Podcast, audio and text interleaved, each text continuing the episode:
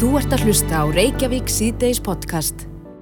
Jæja, Reykjavík síðdeis heldur áfram, klukkan 8 myndi gengin í 5 og uh, nú ætlum við að fá leiðbyrn ykkur um það hvernig við getum kvilt okkur á sjö mismunandi vegu. Já, við rákumst á grein í kjarnanum sem hún Ingrid Kúlmann skrifar um mismunandi tegandi kvildar og það segir að svefn og kvild er ekki það sama. Nei. Ég held eitthvað að ég væri að kvila með þegar ég er að sofa en, en get ég kvilt mig án þess að sofa? Mm Það er stóra spurningin og hún er sest hjá okkur Ingrid Kúlmann, leiðbyrnandi og ráðgjafi hjá þekkingamilun. Kom til sæl. Takk fyrir. Já, þetta er kannski, ég, hef ég bara verið að, að já, hugsa þetta vittlaust, má segja. Ég held einhvern veginn að eina leiðin til þess að kvíla mig væri bara að sopna.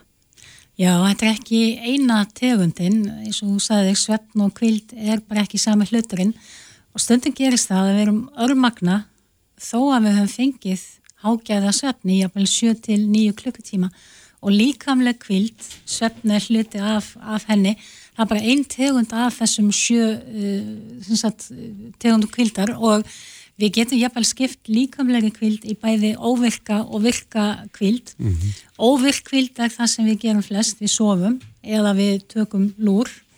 Virk kvild er meira um, nærandi aðtapnir eins og jóka, öndunaræfingar, heit og köld böð og nutt og svo framvegs og þetta er náttúrulega letilega auka liðleika Það er virk og, og blóðrásina það er virk mm -hmm. líkamlega kvíld Mm -hmm. en svo eru þetta miklu fleiri tegundir bara til dæmis sálræn kvíld og þetta Já. er eitthvað sem við eigum svolítið erfitt með því að við vinnum í dagstörf sem byggja á þjónustu og hugviti og þekkingu og þetta gerist allt í kollinum á okkur. Og svo þegar við leggjumst á kottan þá eigum svolítið erfitt með að slaka á, þá erum við jafnvel að leysa vandamál morgundagsins, við erum að gera alls konar lista. E, þannig að þetta er hvernig eitt af því sem skiptir svolítið máli. Fyrir því, hvernig slekkum það á þessu? Hvernig slök, slökkum á þessu? Það er í fyrsta lagi, ég var nú í veit alveg ykkur eh, um daginn um eh, fjölvirkni Einmitt. eða multitasking eh, með því að hæja eins á okkur og gera eitt í einu í, stað þess að gera margt í einu þá getum við kvilt okkur en líka með því að taka reglulega hlið yfir daginn því að við setjum stundum allt og lengi við og rannsóknir hafa sínt að við erum að tala um cirka já, 52 mínútur sem við getum verið í virkni og svo þurfum við aðeins að slaka á Já. En svo er líka bara einfald, einfald ráð að gera til dæmis uh, verkefnilista dagsins í lók dagsins áður en við förum heim. Fyrir næsta dag? Já, þá erum við búin að ákveða hvað ætlum að gera daginn eftir, þá þurfum við ekki að fara heim og hugsa og ég þarf að muna eftir þessu símtali og, og hérna, leysa þetta vandamál og hafa samband við þennan heldur er þetta bara komið á listan. En svo getur eitthvað komið upp. Já, það getur eitthvað komið upp en svo er, er kannski partur af þessu líka að gera, hafa skýrskil milli vinn og engalífs. Þannig við séum ekki alltaf að, að sinna vinnunni eftir að, að við erum komin heim og þetta náttúrulega, já, rugglaðist alltaf í COVID. Þá var fólk að vinna heima og það var einhvern veginn daginn var aldrei búinn. Um, þannig að við þurfum að, að passa þetta svolítið líka. að Þegar við erum komin heim, þá erum við komin heim. Já. Já, kannski að stíga nokkur skrif tilbaka bara Já. frá því já, sem að, gerðist hérna í COVID. Nákvæmlega. Já, en, en eh, hvers konar kvild þurfum við líka að halda? Já, það er til dæmis skinnfæra kvild. Við erum náttúrulega allan daginn, setjum fyrir framann tölvuna, notum snjalltækin, eh, spjáltölvuna og svo framvegs og það eru tilkynningar sem dinja á okkur. Við getum bara ímynd okkur ef að fólk er sem sagt fær tilkynningar og við erum á Twitter og við erum á Snapchat og, og Instagram og Facebook og TikTok og hvað þetta heitir allt saman og svo koma tilkynningar, það er stöðugt áreiti. Þannig að þetta er líka eitt af því sem við þurfum að passa að leggja síman til dæmis til hliða þegar við komum heim eða snjalltækin almennt. E, reyna að gera eitthvað annað fara í gungutúr eða að lesa bók á pappir sem sagt ekki í snjalltækinu. Því að það er líka ljósi frá símanum og þessum tækjum sem heldur heilanum vakandi.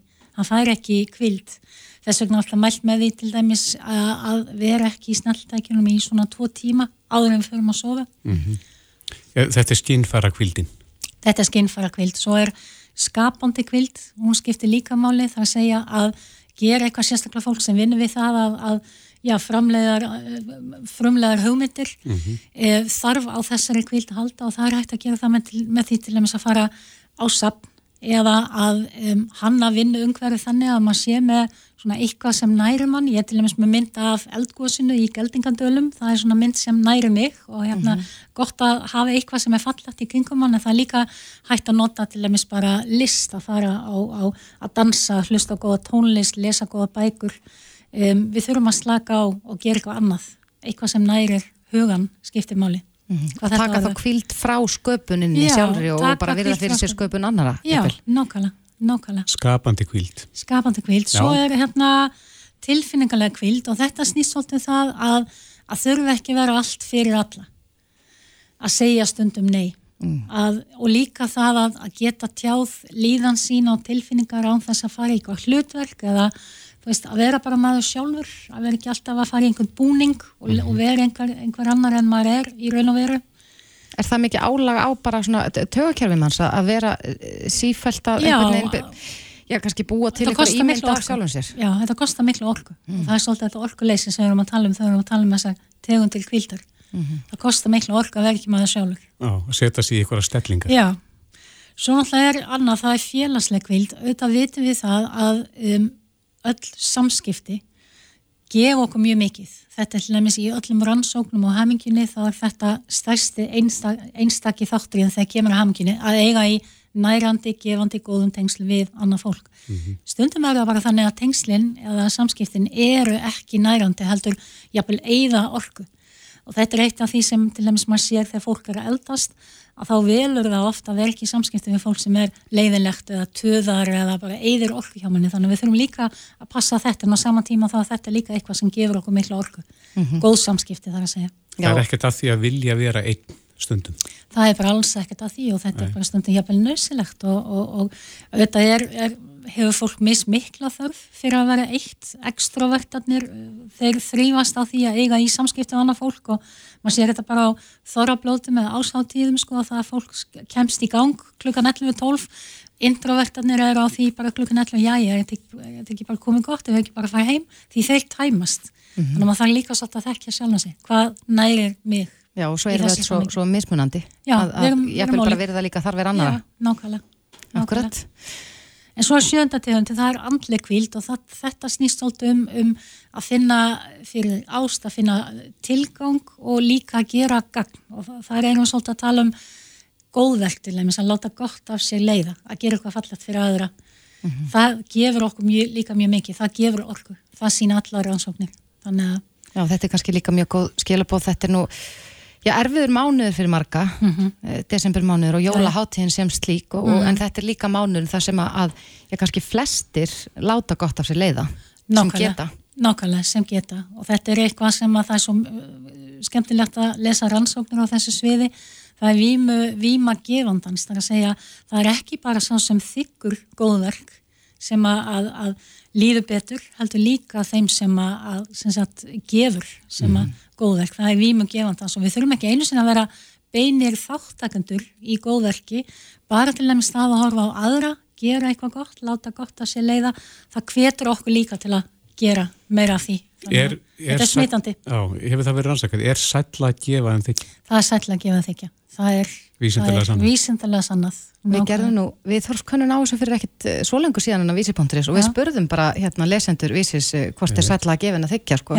og það vor, var sko yfir gnæfandi meira hluti, ég held að það hafi verið kringum 90% sem að svöru af sko einhverjum nokkur, nokkur þúsund mann sem að svöru Nákvæmlega. sem að eh, ég svaraði því að það væri Já. betra að gefa heldur en það ekki. Og þess vegna finnst okkur líka svo gaman að kaupa jólagjafir, gleðja aðra, þetta er ekki, þetta er líka ekki gaman að kaupa þær, en það er gaman að gefa þær. Nákvæmlega, það er ekki gaman að vera fast í uppferðinni, en það er gaman að, að gefa, frekar mm. að þykja.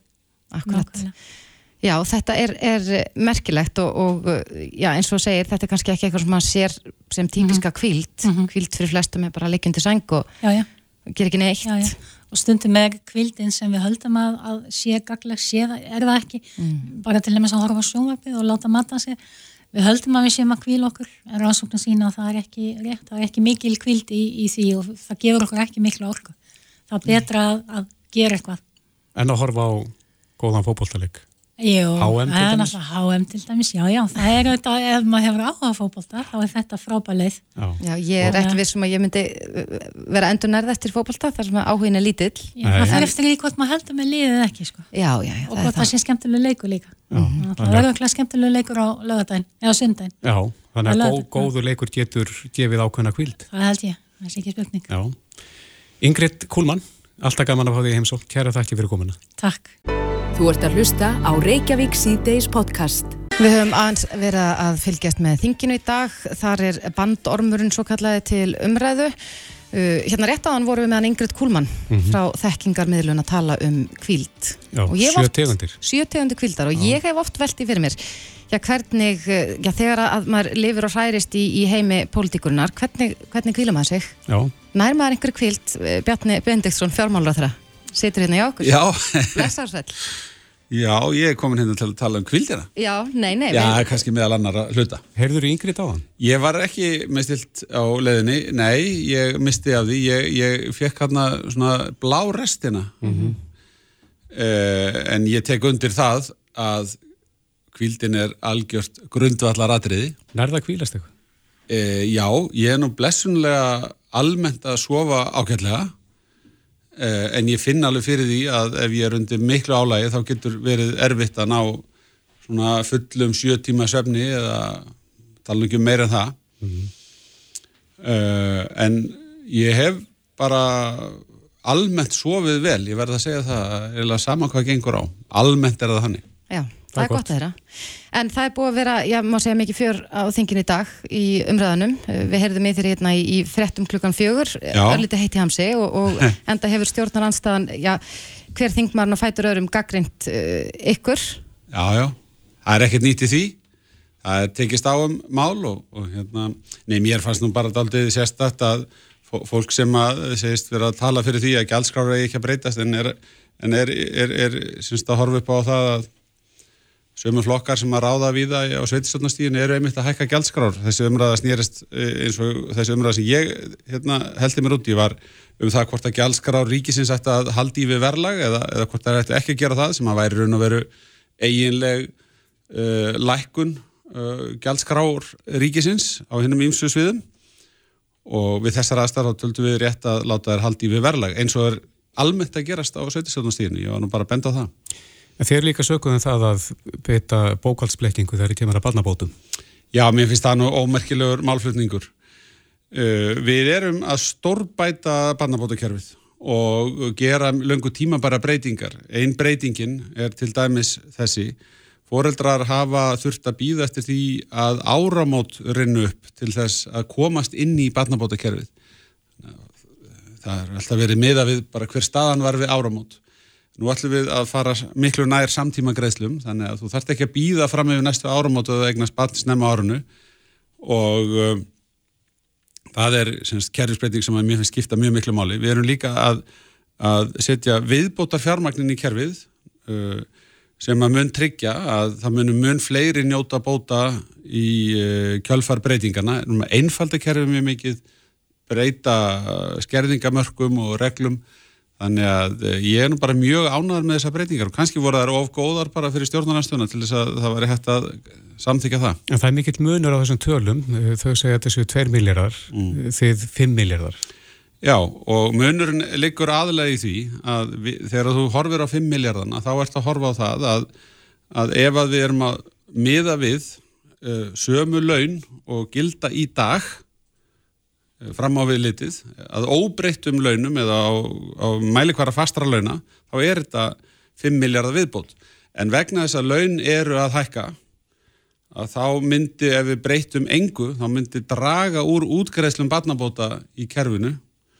Og um, þess vegna segjum við að okkar breytingar þær eru til þess að endur ástafa vegna launa hækkana og svo bætu við ofan á það talsverðum fjármunum og við slumum hafa það í huga hér að, að eh, ef við ætlum að bæta 5 miljardum í barnabótakerfið sem nýju fjármagnir umfram það sem við vorum með í kerfin í dag, þá værum við að hækka úr já, tæpum 14 miljardum upp í tæpa 19, þetta væri já, eitthvað starf kringum svona, ég er nú bara að hugsa upp átt sko, kannski 30-35% hækkun. Eh, við vorum ekki að bóða svo mikla aukningu en við erum að bóða verulega réttabót og töluvert mikla aukningu e, barnabóta og það munir fleiri njóta, kerfi verður sangjarnara. Þegar við vorum að vinna þessa breytingu þá vorum við að horfa til þess hvernig jáðarskattarnir, það er að segja samanlagðir skattar af því að hækka í launum í tekjuskattskerfinu og barnabótakerfinu. Þú, þú tapar einhverjum réttindum í barnabótakerfinu ef að launin segjum hækjum 50.000 krónur þá tapar einhverjum réttindum í barnabótakerfinu en svo borgar þú líka herri skatt og hver eru samanlögð áhrif á þessu tvennu fyrir þig hvað sýtur eftir að 50.000 krónunum að teknu til, til hvort, hvort vekja barnabóta og tekjuskatts? Eh, við vildum slá niður þessi jæðarskatta áhrif og okkur tekst að gera það. -hmm. En, en eh, já, einhver hafa bent á það að þetta sé jæfnvel bara villandi framsetning á tölum. Tekur hundi það? Nei, ég, um ég, ég, ég var nú sjálfur á þessum blagamannafundi, ég talaði bara mjög skýrt um það að að ef við gerðum ekkert þá myndu þeir fjármenni sem við höfum tekið frá inn í fjármálállun ekki ganga út og við erum að endur ráðstafa þeim í óbreyttu kerfi myndu þeir ekki ganga út allir. Og uh, fyrir mér skiptir hún bara öllu máli sko hver, hvaða áhrif hefur breytingin fyrir fólk, fyrir fjölskyldufólk. Og svarið við því er að það munir fleiri njóta bóta og þær eru líka að fara að hækka, það er engin að koma að vera út úr kerfinu eftir breytingar heldur en, heldur en hvernig það virkar í dag. Og þetta verður miklu sangjarnara kerfi, skilvirkara og betra og, og þetta er bara verulega aukning sem er að verða núna í, í tveimu skrefum úr innan við 14 miljardum uh, yfir 16 miljardar uh, sem að koma, koma inn í kerfið mm -hmm. Að þess að vinnumarkanum, aðeilar á vinnumarka hafa verið að ná saman, búið að semja við tvo stóra aðeila, ekki allir búnir en hvernig metur þú stöðuna núna? Ég held að þetta sé talsveit viðkvæm staða svona heilt yfir en það er mjög ánægulegt að, að svona stór hluti vinnumarkarins hafi náðu niðurstöðu og það er ánægulegt að það gerist svona í tíma og uh, að það gerist án mjög mikill að átaka á vinnumarka. Ég er mjög ánægur að sjá það en Hver verða áhrifin að þínum að því? Já, áhrifin, já, svona áhrifin sem ég kannski mest upptekin af núna er að ef að allir þessi samningar verða staðfestir að þá þá uh, gefst góður tíminn til þess að vinna uh, í undirbúningi næstu kjaralótu að frekari úrbótum og við fáum þá smá uh, glugga til þess að, að vinna að frekari stöðuleika. Það skiptir máli á næsta ári að við náum árangri í baráttunni gegn verðbólkunni. Þetta er bara grundvallaratriði. Það eru verðbólkuhorfur sem eru að valda því að, að þetta er ekki mjög langir samningar Eh, en þannig eru talsverðar kjarabætur fyrir svona lægs, lægri endan á vinnumarkanum en það koma svömu leiðis prósentuhækkanir inn í þennan setni samning og þess vegna eru, eru eitthvað í þessu líka fyrir mildtökjufólkið. Ég var að skoða satt með um, uh, sérfræðingi sem áður starfaði fyrir um, sendinemnd Alþjóða Gjaldarisjósins hérna á Íslandi og, og við vorum að skoða, hann var nú með fyrirlestur hérna í vikunni og og við vorum að horfa yfir það hvernig kaupmáttarþróunin er í, viða í Evrópu og það er bara rosalegt að sjá hvernig kaupmáttur er að draga saman nær allstaðar í Evrópu en hann er ekki að dragast núna mikið saman á Íslandi ef við borum, berum saman árið í fyrra og árið í ár eh, og þá er ég ekki að horfa bara á þessa ársfjórðunga eins og var gert í þessum tölun sem kom út frá hagstofni núna kaupmáttur hefur uh, sagt, vaksið á Íslandi Eh, á sama tíma og hann er að skreppa stórkoslega saman í öðrum löndum. En getur það verið að, að, að sko nú uh, er við ítrekka að sjá í frettum, við erum til dæmis að sjá já, heimilislausa úti í frostinu og við erum að, að við heyrum náttúrulega reglulega í okkar hlustandum hér, margir örkjar, eldriborgarar og fólk sem hefur það bara verulega slemt. Mm -hmm. Er miskiptinga aukast jafnvel þó að sko kaupmátturinn yfir heldina litið, eru, eru öfgarnir að verða meiri? Við sjáum ekki mikil, mikla breytingar í tölum sem mæla jöfnuð í tekjum og eignum. Það er ekki mikla breytingar millir ára á þessi misserinn. E, Fjármakseigundur áttu ágættis ári fyrra, ég held að verði ekki skott í ár, það eru miklu meiri lækanir, e, en hins vegar e, er jöfnuður á Íslandi, hann er bara mestur í heiminum. Og ynga síður eru við alltaf að ræða um það hvort að hann sé ekki hérna, allt og lítill og þurfa að ganga lengra. Sko í samhengi hérna, við, við svona, í, já hvað er ég að segja? Svona í stóra samhenginu þá, er, þá höfum við hérna á Íslandi náðu alveg ótrúlegum árangri í því að byggja upp lífskjör fyrir alla, líka fyrir þá sem eru á uh, neðarlega í tekju stíganum í samanbyrði við aðra þjóðir. Og hérna uh, það breytir því auðvitað ekki að það er fólk í samfélaginu sem að uh, á erfitt með að ná, láta endan á saman. Og þannig hefur það reyndar lengi verið og það á erfitt með að ná endur saman af ýmsum ástæðum, sumir vegna þess að þeir geta ekki anminlega uh, sótt vinnu, uh, hafa orðið fyrir áföllum, slasast eða eru af öðrum orsökum utan vinnumarkaðar. Og það getur verið erfitt en við höfum verið að nota góðar í síðasta áratugar til þess að styrkja þessi stuðniskerfi, til dæmis ef við skoðum þróunina í kaupmætti bóta almantrygginga, þá hefur hún verið stöðut til þess að auka kaupmátt bótana. Við höfum stór aukið stuðningin, við höfum notað þessa landsframleyslu sem hefur vaksið mikið undan fara náratug að verluðu leiti til þess að gera betur við um, þá sem að treysta á framfæslu uh, almantrygginga. Það eru þá bæði lífristegar og öryrkjar og uh, í því samengið þá finnst mér uh, okkur hafa tekist uh, vel, vel til en, en verkefni er áfram þarna og, og við þurfum aðeins að ræða það bara hver staðan er í einstakka tilvikum, stundum er þetta húsnæðisvandræði eins og, eins og við höfum séð uh, mörg dæmum og þar hefur ríkistofnum verið með sérstatt áttak sem að byrtist okkur í þessu, þessum um, nýju úrraðum í félagslegu leiguhúsnaði. Mm -hmm. Talandum hérna þá vest settu, uh, það er búið að tryggja fyrir öryrkja engreislu fyrir jólinn, en uh, hvað með eldri borgara?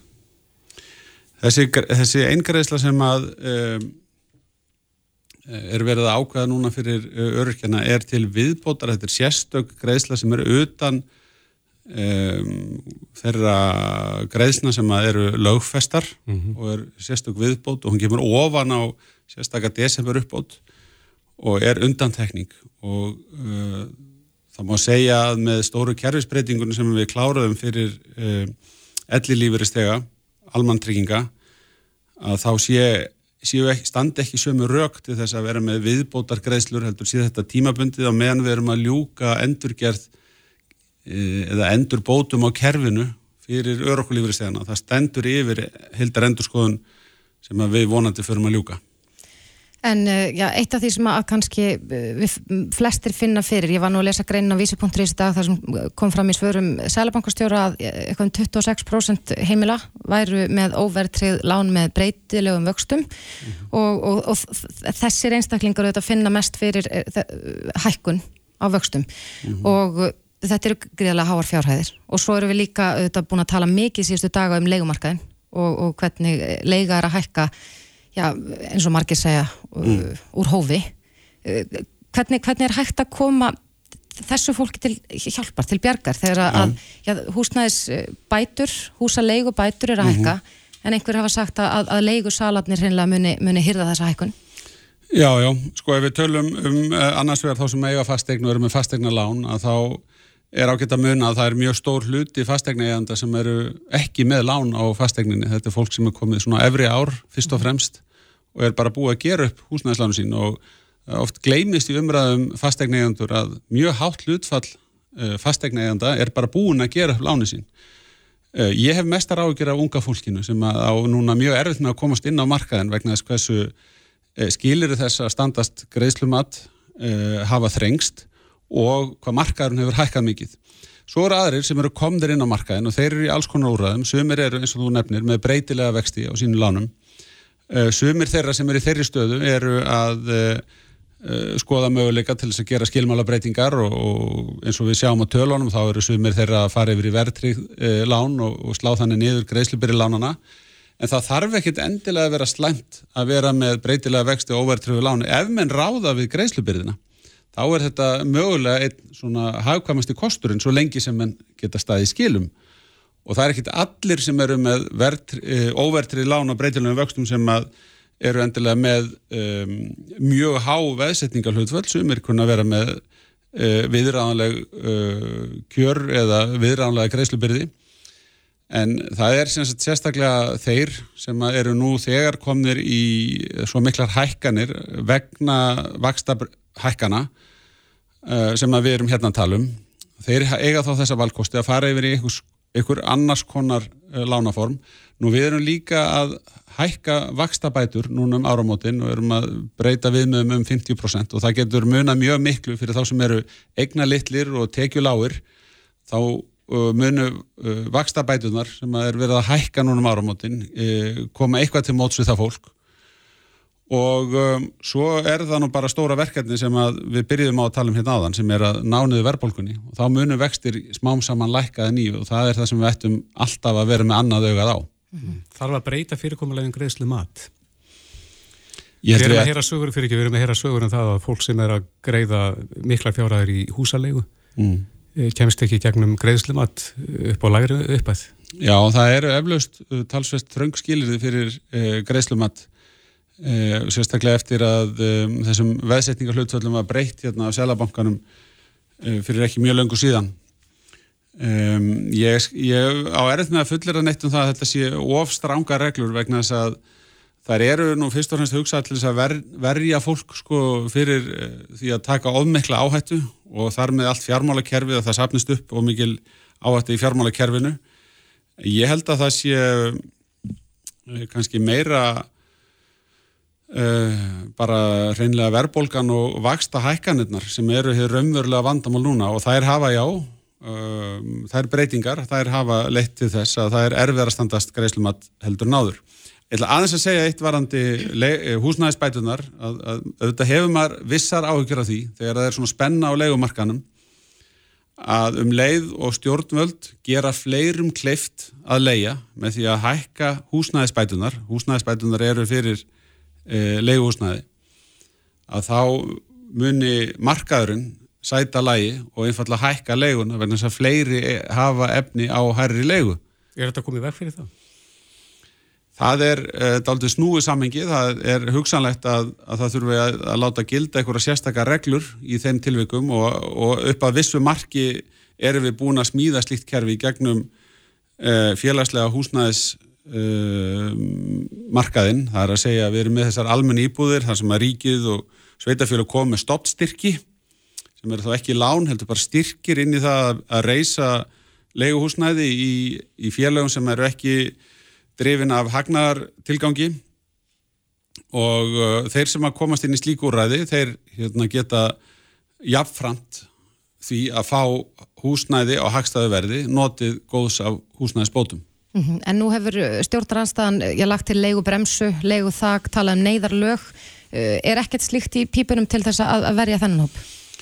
Ég held að þurfi, sko í mínum huga þá þarf, þá þurfa að vera uppi alveg sérstakar aðstæður og þær getu í mínum huga engungu komið til greina sem tímabundu úrræði eh, sem sagt eh, leigu bremsa eða einhvers konar yngripa halvu stjórnvalda til þess að skapa skjól fyrir eh, tekjulág að hópa í þessari viðkvæmu stöðu.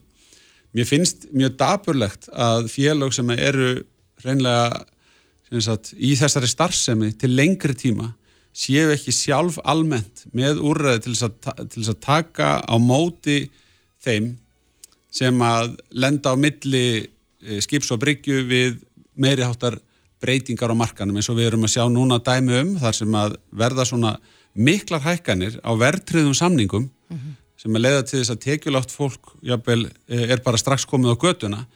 Í mínum huga ættu fyrirtæki sem eru að starfa á þessu sviði að vera með félagslegt tillit inn í síni, inn í síni sko, fyrirtækja stefnu inn í, inn í stefnu félagsins sem að myndi þá um leið sína á vissan hátt svona samfélagslega ábyrð. Það getur falið í sér að hérna, bjóða upp á önnur ódyrari úrræði eða veit eitthvað skonar aðlögunarfresti og svo framvegis eh, vera með miklu lengri uppsagnarfresti á samningunum og annað þess áttar. Eh, það er sko, ella þá rötu við bara beint inn í miklu, hérna, eh, hvað var að segja, eh, það eru líkur til þess að, að ella verði eh, far, gengi lengra í því að að setja lög og reglur um markaðinn sem að ég myndi hafa áhyggjur af að, að gætu á endan dreyið úr frambóðinu.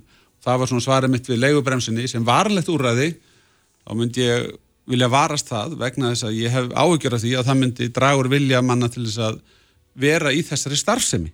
Mm -hmm.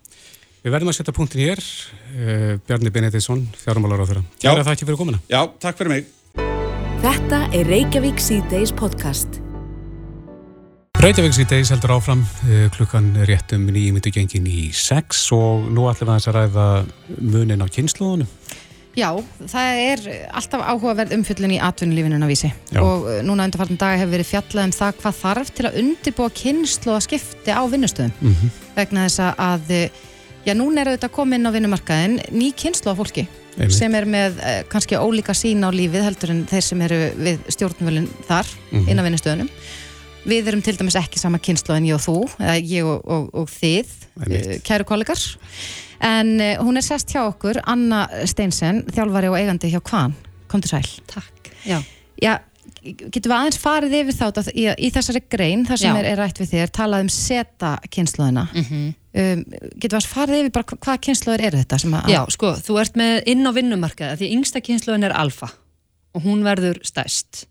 Þú veist, náttúrulega næsta kynnslóð sem kemur síðan og eftir alfa er vantalega stæst af því að við erum náttúrulega bara hérna fólksfjölgun mm. En því alfa er þá hvað aldur? Alfa er bara það sem að frá svona 2012 mm -hmm. cirka Já, þetta eru bara börn, þau eru ekkert komin að vinnumarkaðin svo ertu með seta, kynsluðina og þau er alveg hérna, með þetta að skrifa hérna hjá mér þau, að því þetta er svona, þú veist, þetta er svona 10 til 25-6 ára, mm -hmm. eitthvað sluðis þannig að, hérna, svo eftir því kemur millennials þú ert millennials, ekki? Já, þessi aldamóta kynnslóð Já, aldamóta kynnslóðin, mm -hmm. svo kemur X ég er í X og hérna við erum svona, svona fertug, eitthvað cirka rúmlega fertug til 57 mm -hmm. og svo kemur baby boomers þannig að baby boomers eru ennþá á vinnumarkanum og það eru fullt af stjórnundum svo er X, það er, það er mjög margi stjórnundur X frá svona fertugu upp í 57 mm -hmm. og við erum náttúrulega bara eins og ég skrifaði í greinni við erum náttúrulega stjórna svolítið út frá því hvernig við erum alveg upp, okkar gildi, hvað þekkju við, hvað tíma fórum við í gegnum og svo erum við að taka ákvarðanir, ákvarðanir fyrir komandi kynsluðir sem eru bara allt, allt öðruvísi. Getur við að séu sko, hvað, hvað hérna, greinar á milli? Hvað, Já, sko er, það er svolítið merkilegt þegar hérna, þessi kynslu sem er ekki til dæmis núna er greatest, hún er 94 ára eldri, það er náttúrulega bara ekki margir eftir þar, þau eru alveg gífulega þrautseg mm -hmm. okkur, því þau eru að fæðast á tíma sem eru bara heimstyrjaldir og og það eru alveg og harðindi. Já, bara harðindi og, og kreppur sem eru bara, þú veist, okkur vist kallt núna við komumst inn í húsin, þú veit mm bara, hérna, þannig að þú veist, þá er þrautsega sem enginni þau, meðal annars. Svo kemur hérna Silent, og það er alveg mamma mín sem er í, í þeim flokki, og þau eru sko 77 ára til 94 ára og þetta fólk bara spurði ekki spurninga og bara vann og hafði ekki sérstaklega hátt mm -hmm. þú veit, þólinnmóð, ábyrg og eitthvað svona. Svo kemur baby boomers sem er ennþá á vinnumarkanum og þau eru félagslind, þú veist, þau eru alveg fyrir það að koma allir í kaffi og spjalla og eitthvað svona, þú veist, og, og þau nenn ekkert svona raf eitthvað, þú veist, bara getur við ekki hist í kaffi og tala saman. Og þau eru með sjálfströst Er það kom... ekki, er það hippa kynnslóðin? Já, Já, það er hippa kynnslóðin þau eru með sjálfströst, hérna bara heil kynnslóð og svona hérna og, þú veist, og competitiveness. Að keppa, vera starri og meira og starri mm. og meira. Getur þú ímyndaði hvernig það var fyrir silent að alöp kynslu sem fór síðan í gegnum heipatímabilið Vistu þetta lið hefur verið áfalli. Bara sögðikinn eða þú veist silent er þarna þú veist gera hlutina á byrg, ekki spyrja spurninga þólimáð, svo kemur bara þarna eitthvað lið, drillist já, fyrir þau, fyrir mm. þessa kynslu og svo kemur náttúrulega X og við erum svona likla kynsluðin þannig að þegar við komum heim á daginn eftir skólan þá er, þú veist, pappi að vinna og mamma farin að vinna. Mm -hmm. þannig að þá komum við inn og bara engin heima og engin samfélagsmiðlar og ekkert verið að ringja við bara gera það sem okkur syndist þess vegna erum við sjálfstæð og sveianleg en við erum líka tortrykkin en við erum svolítið svona þessi kynslu svona af hverju hva, ég, ég, ég veit ekki. Hérna, af því að við kannski erum alast upp á tíma sem að við vorum bara skittrætnum kjarnorku styrjöld eitthvað. Veist, það, það gerist eitthvað sem gerir það verkum þetta er kaldastrís kynsluðin mm -hmm. og bara svolítið erum svolítið svona hvað vilt þú upp á dekk? Hverja manna ert þú mm -hmm. svona spurningar sem að ungt fólk hvað minnur hvað manna, hvað skiptir það að þú veist, svo kemur millennials og það sem enginni þau er svona að þú veist að þau eru, það er alltaf mótið kynnslöðin mm -hmm. þau eru, þau þúra að taka áhættur þannig að þau breyta hlutum og þau eru metnafull, en þau eru líka sjálfhverf þannig að þau hugsa hlutin út frá sjálfum sér þannig að þau eru að setja mörg sem að við X settum ekki mm -hmm. þannig að við bara unnum og ef það þarf bara að móka skít þá bara móku skít, eða skilja, ef það þarf að vinna í 14 tíma þá vinnum við í 14 tíma. Við bara erum sveigali og gerum það sem þarf að gera. En hinn er bara, herru, nei, ég vinn ekki eftir fjögur Er það endilega slengt? Nei, það er æðislegt. En á móti kemur þá til og með eins og á landsbytalanum þá bara, ég var að heyra í vinkonum minn um daginn sem vinnuðar það bara, það er bara eitthvað leys, tekur ekki nætvakt nei, tekur ekki nætvakt Nei, og, og er bara allt í hún farin að setja ykkur mörg mm -hmm. sem að eldri kynslan segir ha, nei, þetta er svona system sem virkar hérna, hvað minnar þau? Nei, ég ætla ekki að vinna nættuvættur, ég ætla ekki að gera svona, ég vinn ekki eftir fjögur, ég vinn ekki ammælistöðum. Æ, ég skil, ég er ekki að segja að allir segi þetta, nei, veist, þetta er ekki allt einkennir alla, en þá breytist vinnumarkurinn og nú erum við allt í húnum fann að stitta vinnuvíkuna og setja mörg sem er geggjað, en á móti kemur skilju við það ekki. Er það kemur...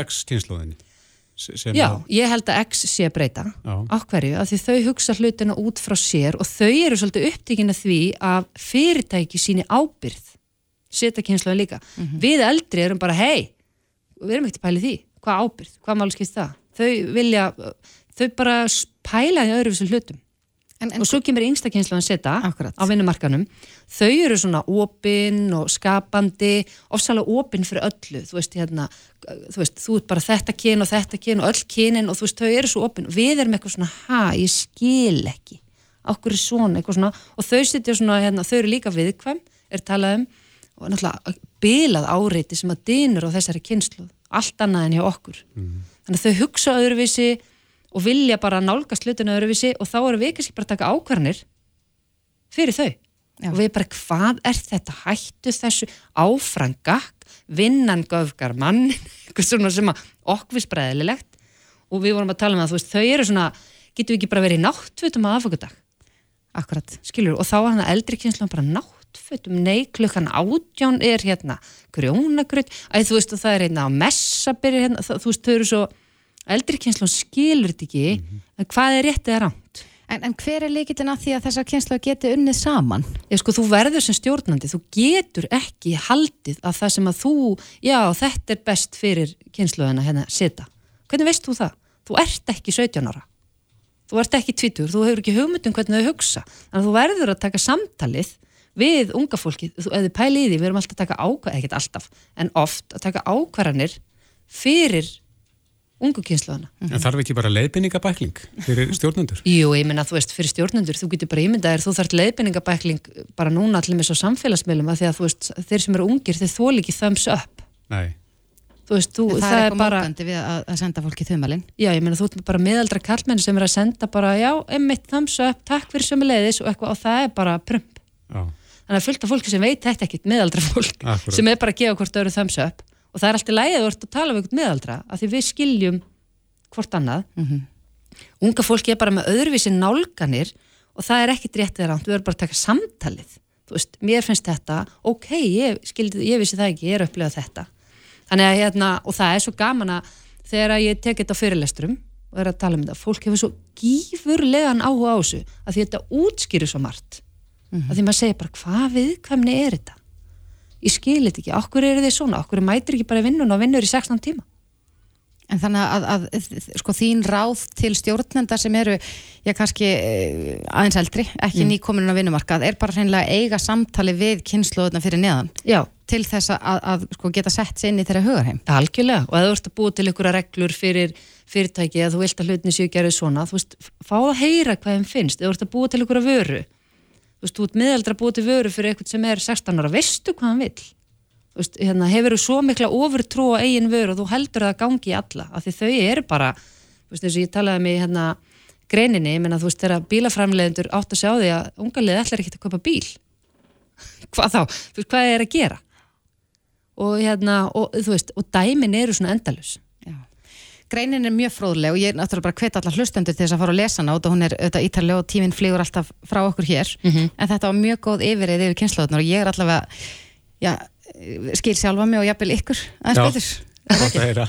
Thumbs up. Anna, Anna Steinsen, þjálfari og eigandi hjá Kvann Kæra, takk fyrir komina Takk fyrir mig.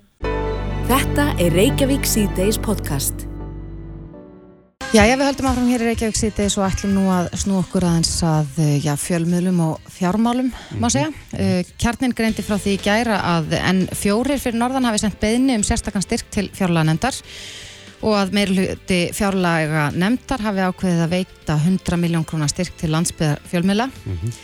Uh, margir hafa gaggrind þetta og já, kannski líka gaggrind tengsl eins nefndarmanns í fjárlega nefnd við þannan tiltekna fjölmiðil en uh, já, þeir eru sestir hérna hjá okkur í dag Björn Levi Gunnarsson, þingmaður Pirata og nefndarmaður í fjárlega nefnd og Vilhjálmur Arnarsson, þingmaður sjálfstæðisflokksins og, og nefndarmaður í fjárlega nefnd líka. Ef þú ferðast yfir þetta með okkur Vilhjálmur þessi styrkur upp á 100 miljónir, er, er ekki búið að veita hann?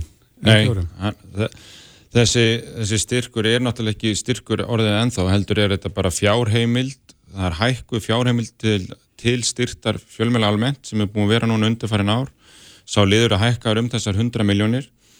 Þessi umræða byrjaði nú snemma í fjárlega þegar ég tók eftir því að í breytingatöluðum ríkistjórnarinnar kemur áttu við að, að hækka framlega til ríkisútvarsins um 335 miljónir og ég sagði að það veri óæðilegt að félag veri óhæf, þá fengi það ekki aðalskurfu eins og önn aðra stopnarnir ríkisins og við fórum að tala um það hvort að við gætum þá hérna yfirfært þessi aðalskurfu líka á ríkisútverfið eins og aðra stopnarnir ríkisins.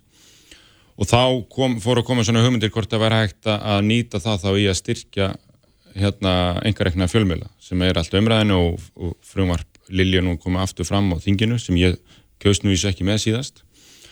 Og þannig að þar byrjar umræðan og svo kemur hérna þessi styrkbenni frá N4 og lýsir svona hvernig rekstra umhverju einhverjum fjölmjölega er og meðal annars á landsbyðinni og við höldum svona meiri luta að fund þess að undirbúa afgreðslu fyrir aðra umræði fjöllega nokk fleirin einn til þess að fjallum þessar styrkbeinir sem eru margar til fjölleganemndar og þessi styrkbeini var ekki tekinn til greina.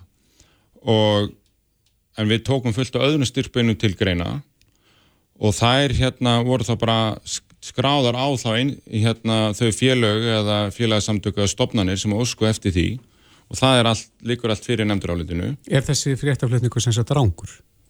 Það er ránt að sé styrkbeini, nei að sé, að sé búa að veita eitthvað styrk og að þessi peninga sé að fara til N4. Það er alveg kolránt sér þú þetta sömu augum, uh, Björn Levi? Um, það er einsir mögulegur að sjá þetta svona, hvernig þetta er að gerast. Um, fyrsta desember uh, berst skjál til nefndarinnar, eða er alltaf skráði í nefndagáttana hjá okkur, sem að er fjárheimildar beðinni, eða styrk beðinni upp á 100 miljonir frá enn fjórum.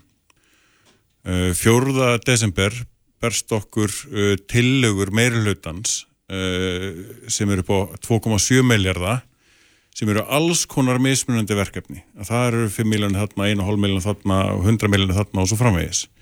Samtals 2,7 miljardar.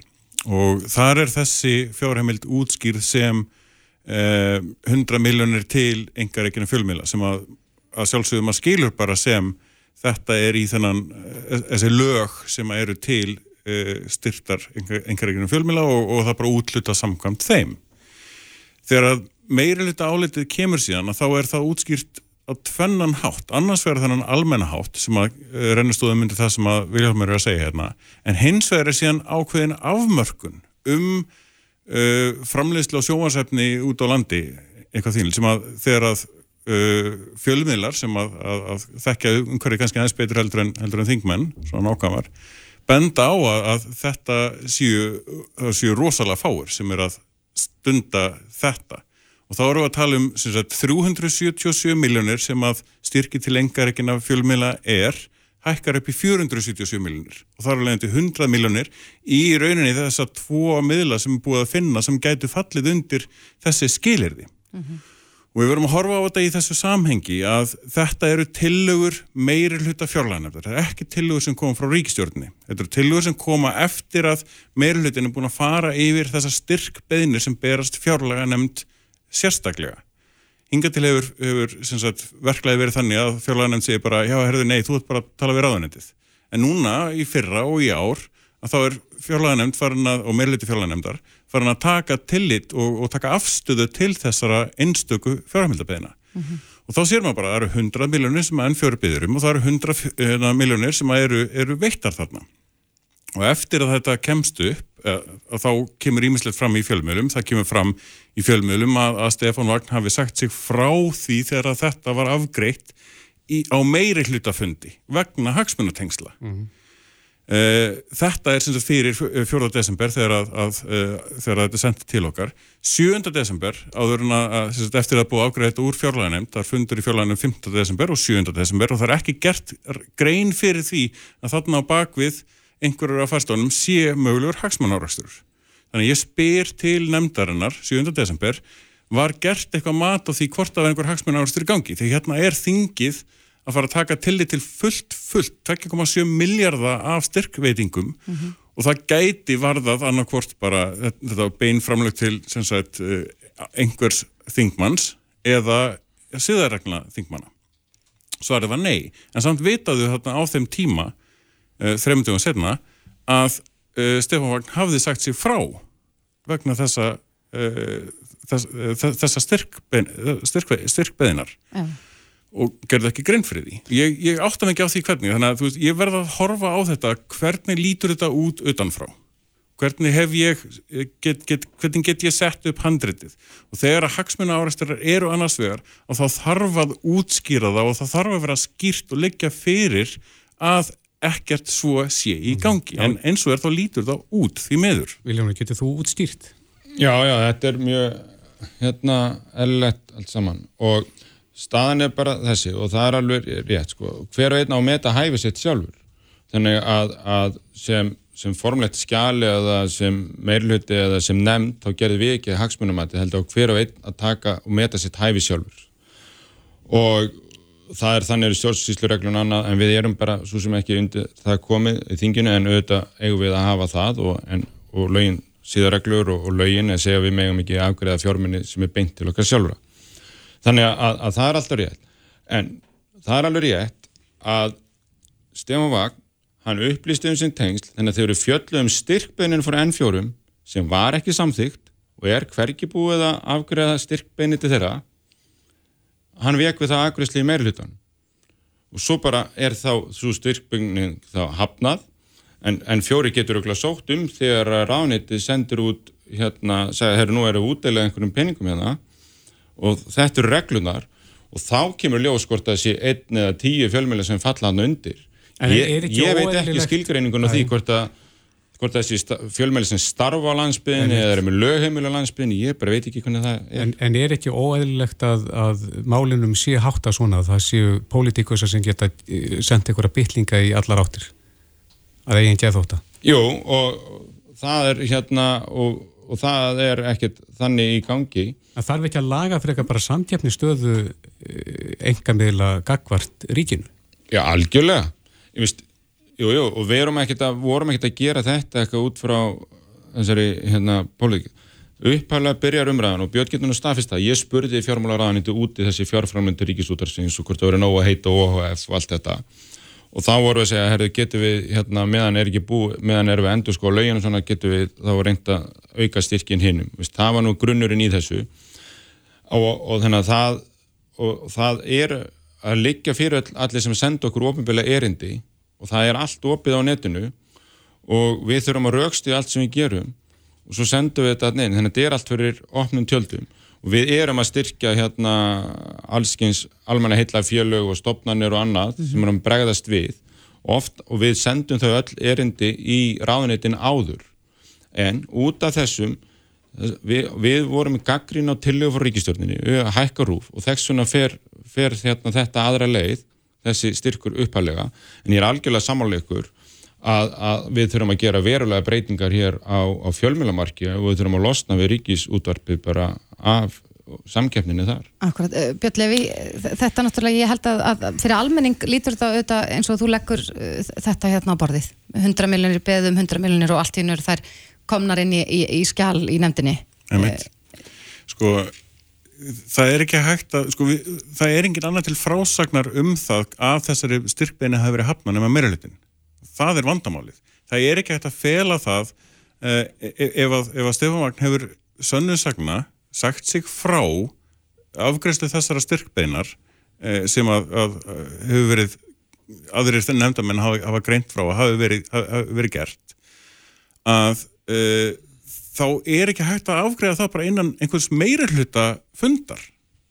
Það verður að koma með málið inn í fjárlega nefnd og segja, herðu, við erum að greina hérna, bæta við hérna, 100 miljónum í enga regnum fjölmiðla, það er líka umsókn, hérna, umsókn um 100 miljónir frá N4 það, við erum ekki að bregðast við henni sérstaklega ekki af því að Stefán Vagnarma hann er, segir, ég er hérna vanhafur til þess að glíma við þá styr, styrkumsókn, heldur erum við að fara að gera þetta í almenna sjóðin svo umbreða fóraldra fram, þessi tengskjöldan á milli rúf framlagana og, og þess að enga regnum styrkja Þeir, þeir voru aldrei, það var aldrei gerður sko samanbyrðu þarna á milli, þetta var aldrei tekið saman, þetta var tvö aðskilin mál, þó að kannski í huga Viljóns hafi þetta verið eitthvað, eitthvað uh, verið samferða, þá var það ekki í fjárlega nefnd. Uh, ef að við ætlum að afgreða svona mál, að þá þarf það að vera gagsa í alla leiðina. Það er ekki hægt að loka það bara inn í einhverju meiri hluta fundi.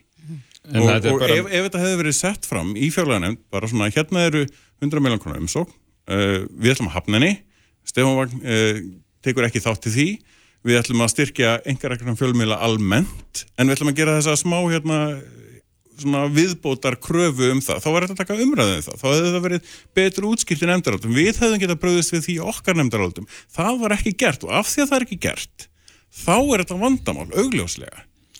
En sko mér finnst þetta líka alveg skýrt fyrir. Allar styrkbeinin sem við fengum, það liggja fyrir á netinu. Þið getur bara að lesa það, það og svo getur þið borðið það saman við já það var náttúrulega tæknilega mistök. En, en, en það liggja allar fyrir ofinbærar, þið getur bara að lesa hverju báðum hvað og hvort er fengu eitthvað ekki og þú, það er ekki fjárheimild úr ríkisjóðin nema með lögum, fjárlögum. Við erum að samþykja fjárlögum núna. Og ég bara get ekki séð þar að það standi einhver stað þar en fjóri sé að fá penning mm -hmm. það bara stendur hverki En það stendur að hugarafl sé að fá, það stendur að KFM og K sé að fá, það stendur að hérna, sjúkratryggingar að fá, það stendur að grindækubæðir að fá, það stendur að fyrstækubæðir að fá. Þetta getiði hérna, alveg, útlunarregluna liggi ekki fyrir, það er fullt af fjölmjölum sem starfa á landinu og þannig að ég held að þessi 100 miljónir eftir að dreifast mjög víða og hérna þannig að þetta bara liggur allt mjög skýrt fyrir. Þannig að ef einhvern veginn er að bera saman skjölin og, og lesa hvernig lög virka og þá er þetta bara mjög auðlust Já. Já, við þurfum því meira að setja punktin hér. Björn Levi Gunnarsson og Vilhelmur Artarsson Kæra, þakki fyrir komna Takk fyrir Jæja, klukkan er uh, að vera kortir, uh, kortir í sex Í gær uh, byrtist viðtal á Ringbraut fréttavaktinu á Ringbraut þar sem að ég verð nú bara mánu til með að hrósa uh, þeim að ringbrott og hún segmyndi erðni fyrir þetta mm -hmm. en þarna komu þrýr heimirislausir einstaklingar sem hafa verið heimirislausir um árabil og, og já, ég raun og veru bara vilja að þeirra rött heyrist og já. þetta var mjög merkilegt viðtal og, og, og gaf manni átakanlegt, já algjörlega mm -hmm. þau hafðu öll verið heimirislaus í dákvæðan tíma uh, einni uh, ára tugi og þarna Já, allavega svona vakt upp samkjönd hjá manni og, og nú er hátíð ljós og friðar að ganga í gard og það er óhugsandi að hugsa til þess að svona margir einstaklingar hér á landi þar sem að, að voru nú að tala við fjármálur á þráðan um að, að kaupmátturinn væri í hæstu hæðum og, mm -hmm. og mhm. allt væri mjög gott en frostið mikið og fólk á ekki neinn hús að venda. Nei, það er, það er stóra neyðin í dag fyrir þetta fólk sem að er á göttunni, það er, það er frostið sem að býtur Agnes M. Sigurðardóttir, biskup Íslands er komið til okkar, velkomin. Takk fyrir. Já, því verður fleikt fram í umræðinu að kirkjan gæti nú kannski gert sitt í að opna sínar dyr mm -hmm. fyrir þessum hópi sem að á hverki hús að venda. Já, fyrst vil ég nú segja, mér finnst þetta, ég heyrði nú ekki þetta vittal sem þeir voru að vitni í, mm -hmm. en mér finnst alveg frábært að þessi tala við fólk en ekki um það. Einmitt. Og það hefur við verið að leggja áherslu á í kirkjunni og við höfum opnað skjóli fyrir konur sem hafa verið í vanda e, húsnæðslausar eða, eða hafa ekki neyn hús að venda svona tímabundi og það var ákveð fyrir nokkrum árum að gera það eftir aðtugun á því hvað væri að því að ég vildi sagt, e, hlúa þessum hópi og líta til hans sem að e, hóp sem er á göttunni og þetta var niðurstaðan að fara að opna skjól fyrir konur og það er svona undir vendavark hjálpastarskirkunar mm -hmm. Hins vegar hefur ekki verið opnað skjól fyrir Karla á vegum kirkunar en við höfum rætt það mjög hvort að við höfum tök á því að gera það og uh, það er ekki komið lengra en bara að ræða það. Mm. Hva, hvað er rúmar skjól fyrir konur margar? Konur? Sko þetta er opið á daginn frá 11 til 3. Er nú reynda konurna sem vinna það er að þær eru mæta fyrr og fara setna þannig að þetta er ekki alveg svona frá 11-3 það er, það er ekki þannig að það sé lokað á konur eða koma halv 11 eða lokað á þar eða, eða hend út eða fara klukkan kortur yfir þrjú, það er ekki mm. alveg þannig það eru hérna með, ég veit ekki hvað svo sem marga geta komið, þetta er stórt húsnaði e, það er e, aðstæð til þess að gera einhvað saman svona í handavinnu eða föndri eða einhver slíku, það er hægt að leggja sig þarna. Það er þetta þó föttin sín, það er þetta að fara í sturtu uh, reglulega kemur einhver sem að klipir hárið eða eitthvað slíkt. Mm -hmm. það er snirtuborð þarna þar sem að það geta snirt sig að vilja og svo framvegis. Og svo fáður náttúrulega borða að heita maður í hátteginu Já, en uh, já, einhverju hafa nú bent á það að, að, að hér um náttúrulega á, á höfuborgarsvæðinu eru margar kirkjur uppheitaðar og, og, og fólk er, ég segir hreinlega frá því að það sé bara hreinlega króknur kulda. Væri hægt já, að, að búa til einhvers konar atkvarf, tímabundi atkvarf á meðan að, að veturinn er hvað vestur? Það er alveg möguleiki að gera það, en hins vegar þannig með kirkjurnar og safnarheimilina, það eru á vegum uh, sóknana mm -hmm og sóknarnemndirna ráði yfir húsnæðinu og, og uh, starfsfólkið eða prestatnir uh, þeir sjá, sjá um innihaldi þar sem fer fram á þessu stöðum. Og uh, við á biskustofu höfum engin ráð á því að, að segja þeim fyrir hvað þeir eiga að gera en hins vegar er samtalið um þetta við fólki sem ræður yfir þessum húsnæði alveg hérna mikilvægt Getur biskupið mælst til þess að, að sóknirna gerir þetta, opni sín hús Já, það hefur svona, hef svona verið vakin aðtikla því að hérna, það geti verið eh, leið, en hins vegar sko er það eins og bara þegar maður tekur um út í fólki heima hjá sér, þá verður maður að hafa ekki bara aðstöðunum, maður verður líka að hafa sko allt til alls þannig laga séð, það verður fólk að taka móti fólki til dæmis. Mm. -hmm. þannig að ég veit ekki hvort að, að akkurat í dag sé nægur mannskapur til þess að til þess að taka móti fólki sem kemur þarna e, svona e, eins og við erum að tala um þennan hópa fólki. En hins vegar er allt mögulegt að viljinni fyrir hendi en það er bara erfitt kannski að gera þetta svona 1, 2 og 3 með einhver fyrirvara. Nei. það þarf að undibúa þetta En neyðin er mikil og, og uh, já, ég, hún talaði mig gær, uh, hún uh, Marjana Seytriksdóttir sem var hérna í viðtali á Ringbröta að þetta væru já, 80 og ég hef nú heist alveg upp í 100 konur til dæmis hérna á Bráhauðborgarsvæðinu sem eru mhm. án heimilis já. og hvernig sko út af því að, að kirkjan snýst að mörguleikum leitum um kærleik mm -hmm. og, og hvernig verður þér við að heyra af, af svona stórum hópa fólki? Sem að á... Já, þó það væri einn, þá væri mér illa við það að heyra um það, mm -hmm. vegna þess að hver einstaklingu skiptir máli og er mikilvægur og dýrmættur og uh, þess vegna var það nú sem að ég hérna vildi horfa til þessa hóps og þetta var niðurstaðan með skjólið að það var opið fyrir konur og við kynntum okkur sagt, þörfin á því hjá þeim sem er að sinna þessu fólki mm -hmm. eða fólki sem að býra þessar aðstæður bæði hjá Reykjavík og Borgvelferðsviðinu hjá frú Ragnæði og öðrum þeim sem eru að fá fólki til sín og er í samtali við það mm -hmm. og þetta var þá niðurstaðan með konunnar að svona skildi þetta vera. Og, eh, og eh, auðvitað horfum við líka til kallana sem er á göttunni og, en við bara höfum ekki akkurat núna í dag hérna ráð á þessu. En hins vegar er mjö, bara mjög gott ef að einhverja kirkjur, einhver safnarheimili hérna á svæðinu myndu vera tilbúin til að taka mótið sem hópu og gera það vel. Það fer, ferum við bara í samtalum Já, og það dögur ekki bara að opna dyrtnar og, og hleypa fólkin í lífuna Jú, það er alveg möguleik að gera það en það verður það að vera aðstæða til þess vegna að kirkjunum, það er náttúrulega þannig að kirkjurnar er yfir fullar allar daga. Það er hérna eldriborgarastarf, það er hérna barnastarf það eru prjónaklúpar, það eru kallahópar, það er eh, hitt og þetta gerast sem að fyrir utan náttúrulega fólk sem kemur bara í viðtölið eitthvað slíkt. Og það verður þá að vera bæði plássi og aðstafan til að taka móti fólkinu. Mm -hmm. og, og hérna eh, ég er ekkert á móti því að alls ekki að kirkurnar og safnarheimilin opni, það er ekki það sem ég er að segja. Ég er bara að segja það við verum að vera tilbúin til að gera það vel. Mm -hmm. Og ef að hérna, ef að það verður niðurstaðan að það verður hægt að þá er það bara hefur besta mál en bara tíminn leifir ekki að við gerum það strax í dag eða morgun Einmitt. Agnes M. Sigurðardóttir, biskup Íslands, kæra þætti fyrir komina og við segjum bara gleðileg jól. Gleðileg jól. Hlustaðu hvena sem er á Reykjavík C-Days podcast. Þættirnir afbreyðir farnir aftur á staðastöðu 2, önnur þátturöður í gangi núna. Stórmerkilegir. Mjög skemmtilegir. Þetta gefur manni svona insinn inn í, já, kannski aðra heima en manns eiginu þetta mm -hmm. er oft mhm. talað um að maður er í svona svo kvöldin bergmálshelli en uh, nú rákumst við á uh, þátt sem að var í afbríða, þar var verið að tala um dáleðslu mm -hmm.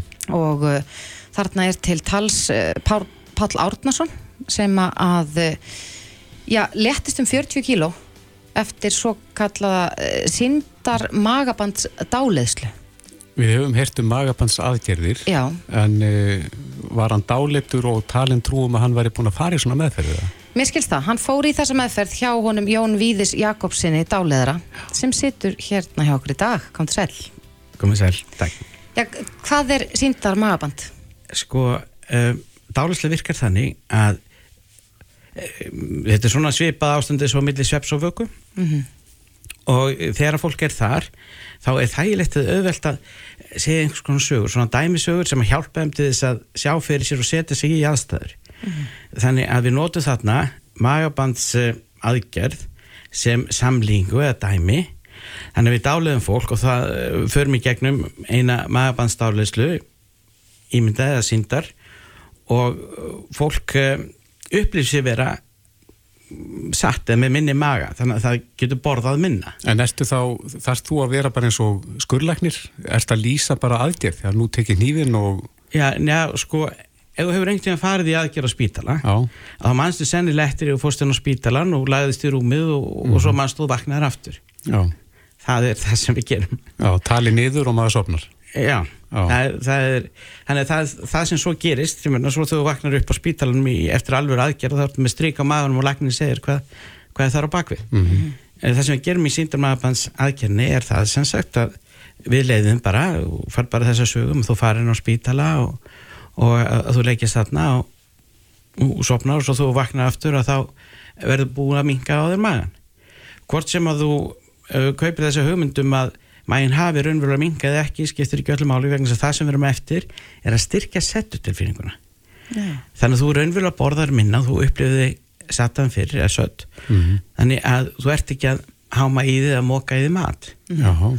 og þetta hjálpar, ég sjálfur ég léttist um 30 kíló með þessar aðferð og þorði ekki að fara að nota hana ég hefði lært hann, mér hans þá svolítið skrítin sko. mm. síndar maður en Uh, ég þarf ekki að nota hana fyrir ég var búin að prófa hana á nokkru vinn minn og mér sjálfum. Mm -hmm. og allir þeir sem voru tilbúinur og vildu gera þetta þeir léttust, þeir sem voru meira að gera þetta fyrir mig svo að ég geti prófað þetta að uh, það breytti einhver Já, en sko nú eru eflust margir sem er að hlusta á þetta og hugsa bara að þetta er eitthvað, eitthvað svona kökl, það getur ekkert verið að, að það setja dálega mann í eitthvað svona ástand vegna þess að auðvitað er líka dálegslega eitthvað sem að fólk kannski skilur ekki og þekkir uh -huh. ekki nægilega vel.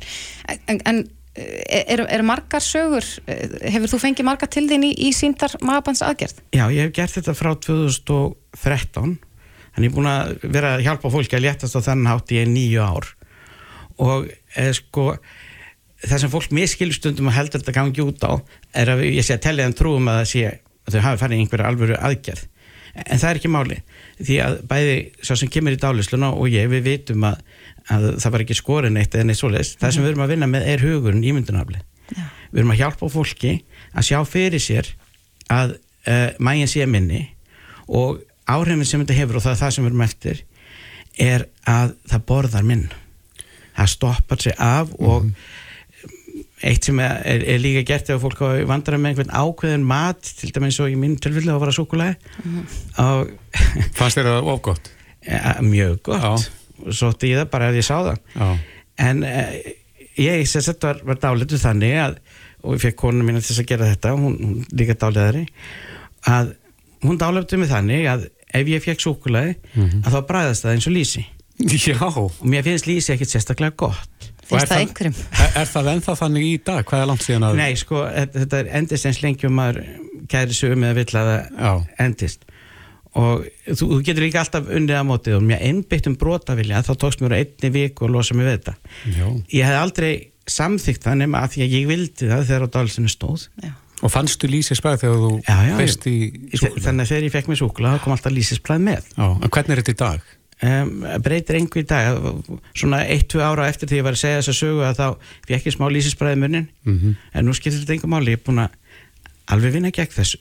Já, ég ein... afdálega þá Já, ég þurfti einbeittan brotabilja til þess að gera það. Já. en máli var þetta að ég var tilbúin, ég vildi gera þetta og þess vegna virkaði þess vegna gegn það upp.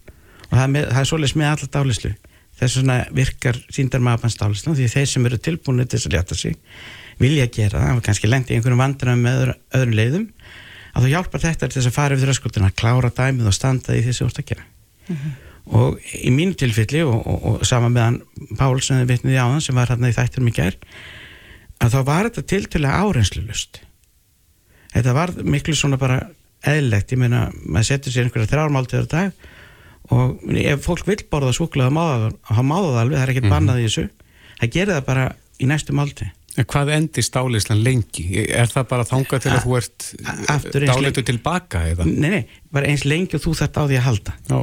Þannig að segjum að, að þú sért, ég veit ekki, loftrættur, flugrættur eða eitthvað álíka mm -hmm. og þetta er eitthvað sem einhver fóbi eða, eða kvíði eða fælni sem þú vilt losna við, Já.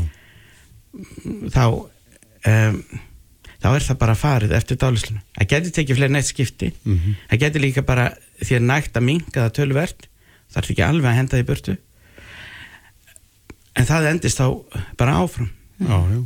en það er ekki þannig e, e, eins og í mínu tilfelli að þá var ég svona eftir á og það var bara eftir á en ég var ekki sáttur við það að finna lísisbröðu súkuleg mm -hmm. að þá kvarf það bara sátt, smátt og smátt. Já. þegar við kannski séð sko það er oft verið að vitna í svona sviðstáluslu og þá er eitt af því sem að maður gerir þar að því að það er sniðut það er að láta fólk leima nafninu sínu. Mm -hmm. það endist cirka meðan síningunum stendur. Vegna þess að þú þart að vita og kunna nafni eitt og þegar síningin er búin þá, þá kemur það allt aft Já. Eh, er hægt að dáleiða fólk bara síðan át á götu? Gætið þú dáleitt Kristófer bara núna, eittur bingo og... e Ef að Kristófer vil það, þá getur við gert það. En, en það, það virkar ákveður þannig. Það, þetta er hægt en það sem að vantar í þessa sjóansætti að þau sér þetta svona, er vinnan sem gerist á undan. Mm. þannig að það er venjulega búið að undirbúa fólk sem sagt Eh, dáliða einu sinni þannig að það bregst við bara einhverju svona smellið einhverju eh, þannig að það fer aftur í dáliðslást Hvað tekur það langan tíma þessi undirbúni svinna? Það er bara þess vegna eitt dáliðslátími sem getur verið 500 klukkutími þannig að við, við notum þetta við notum þetta fyrir fólk til dæmis upp á sjálfströst mm. að við kvöldum þetta kveikjur mm -hmm. þannig að e, við hjálpum fólki, kvöldum fram þetta tilfinningu sjálfströst styrkjum hana þannig að fólk finnir fyrir miklu sjálfströsti og, og svo einhvern nátt festum það. Þannig að fólk geti sjálft kalla fram þessa tilfinningu sjálfströst þegar að það þarf að standa fyrir framar fólk og tala komið viðtal við ykkar eins og, eins og hér gerir hér. Mm -hmm. eða eitthvað álíka eða standa upp í fermingaveislinu og halda, veisl, halda ræðu. Og, og líka aðra tilfinningar sjálfströst eða líða betur eða eitthvað álíka.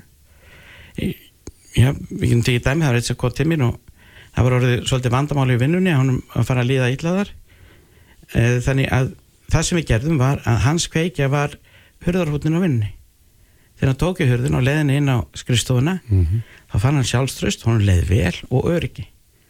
Þannig að það gekk miklu betur öll samskipt og, og annað lagaðist. Já.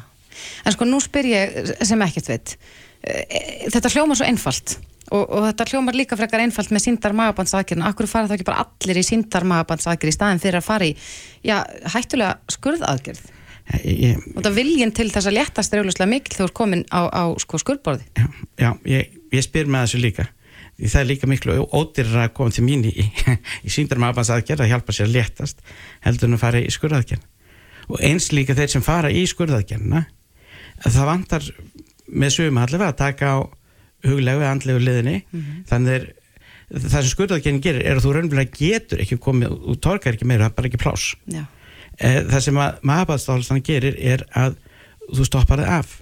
Þú, þú hættir að því þið, þið langar ekki meira. Það er ekki mhm. þessi þörfið sem verður að móka upp í sig eða hvað það er.